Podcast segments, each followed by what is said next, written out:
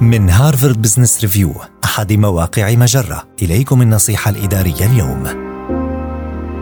كيف تعمل مع مدير يضع أهدافا غير واقعية؟ العمل مع مدير لديه توقعات غير واقعية. قد يجعلك تشعر أن مصيرك هو الفشل. ولكن هناك بعض النهج التي يمكنك اتباعها للحصول على الملاحظات والتوجيهات التي تحتاج إليها. إذا كان مديرك يحدد اهدافا بعيدة المنال ضع خطط عمل عديدة واسأله أي منها الأقرب إلى رؤيته. واستخدم إجابته لتوجيه دفة الحوار لوضع نسخة واقعية من الأهداف. فقد تضطر إلى إعادة الخطة ولكن هذه العملية يمكن أن تساعد في بناء الثقة لدى الطرفين. وإذا كان مديرك يغفل الواقع العملي لما يرغب في أن ينجزه الفريق اعترف بالهدف دون وصفه بأنه غير واقعي. ناقش مخاوفك بالإضافة إلى ما نجح وما لم ينجح في الماضي.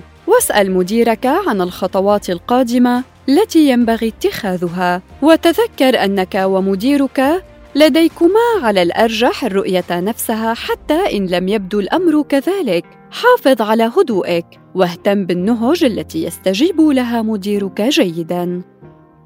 هذه النصيحة من مقال كيف تعمل تحت إمرة رئيس لديه توقعات غير واقعية؟ النصيحة الإدارية تأتيكم من هارفارد بزنس ريفيو أحد مواقع مجرة.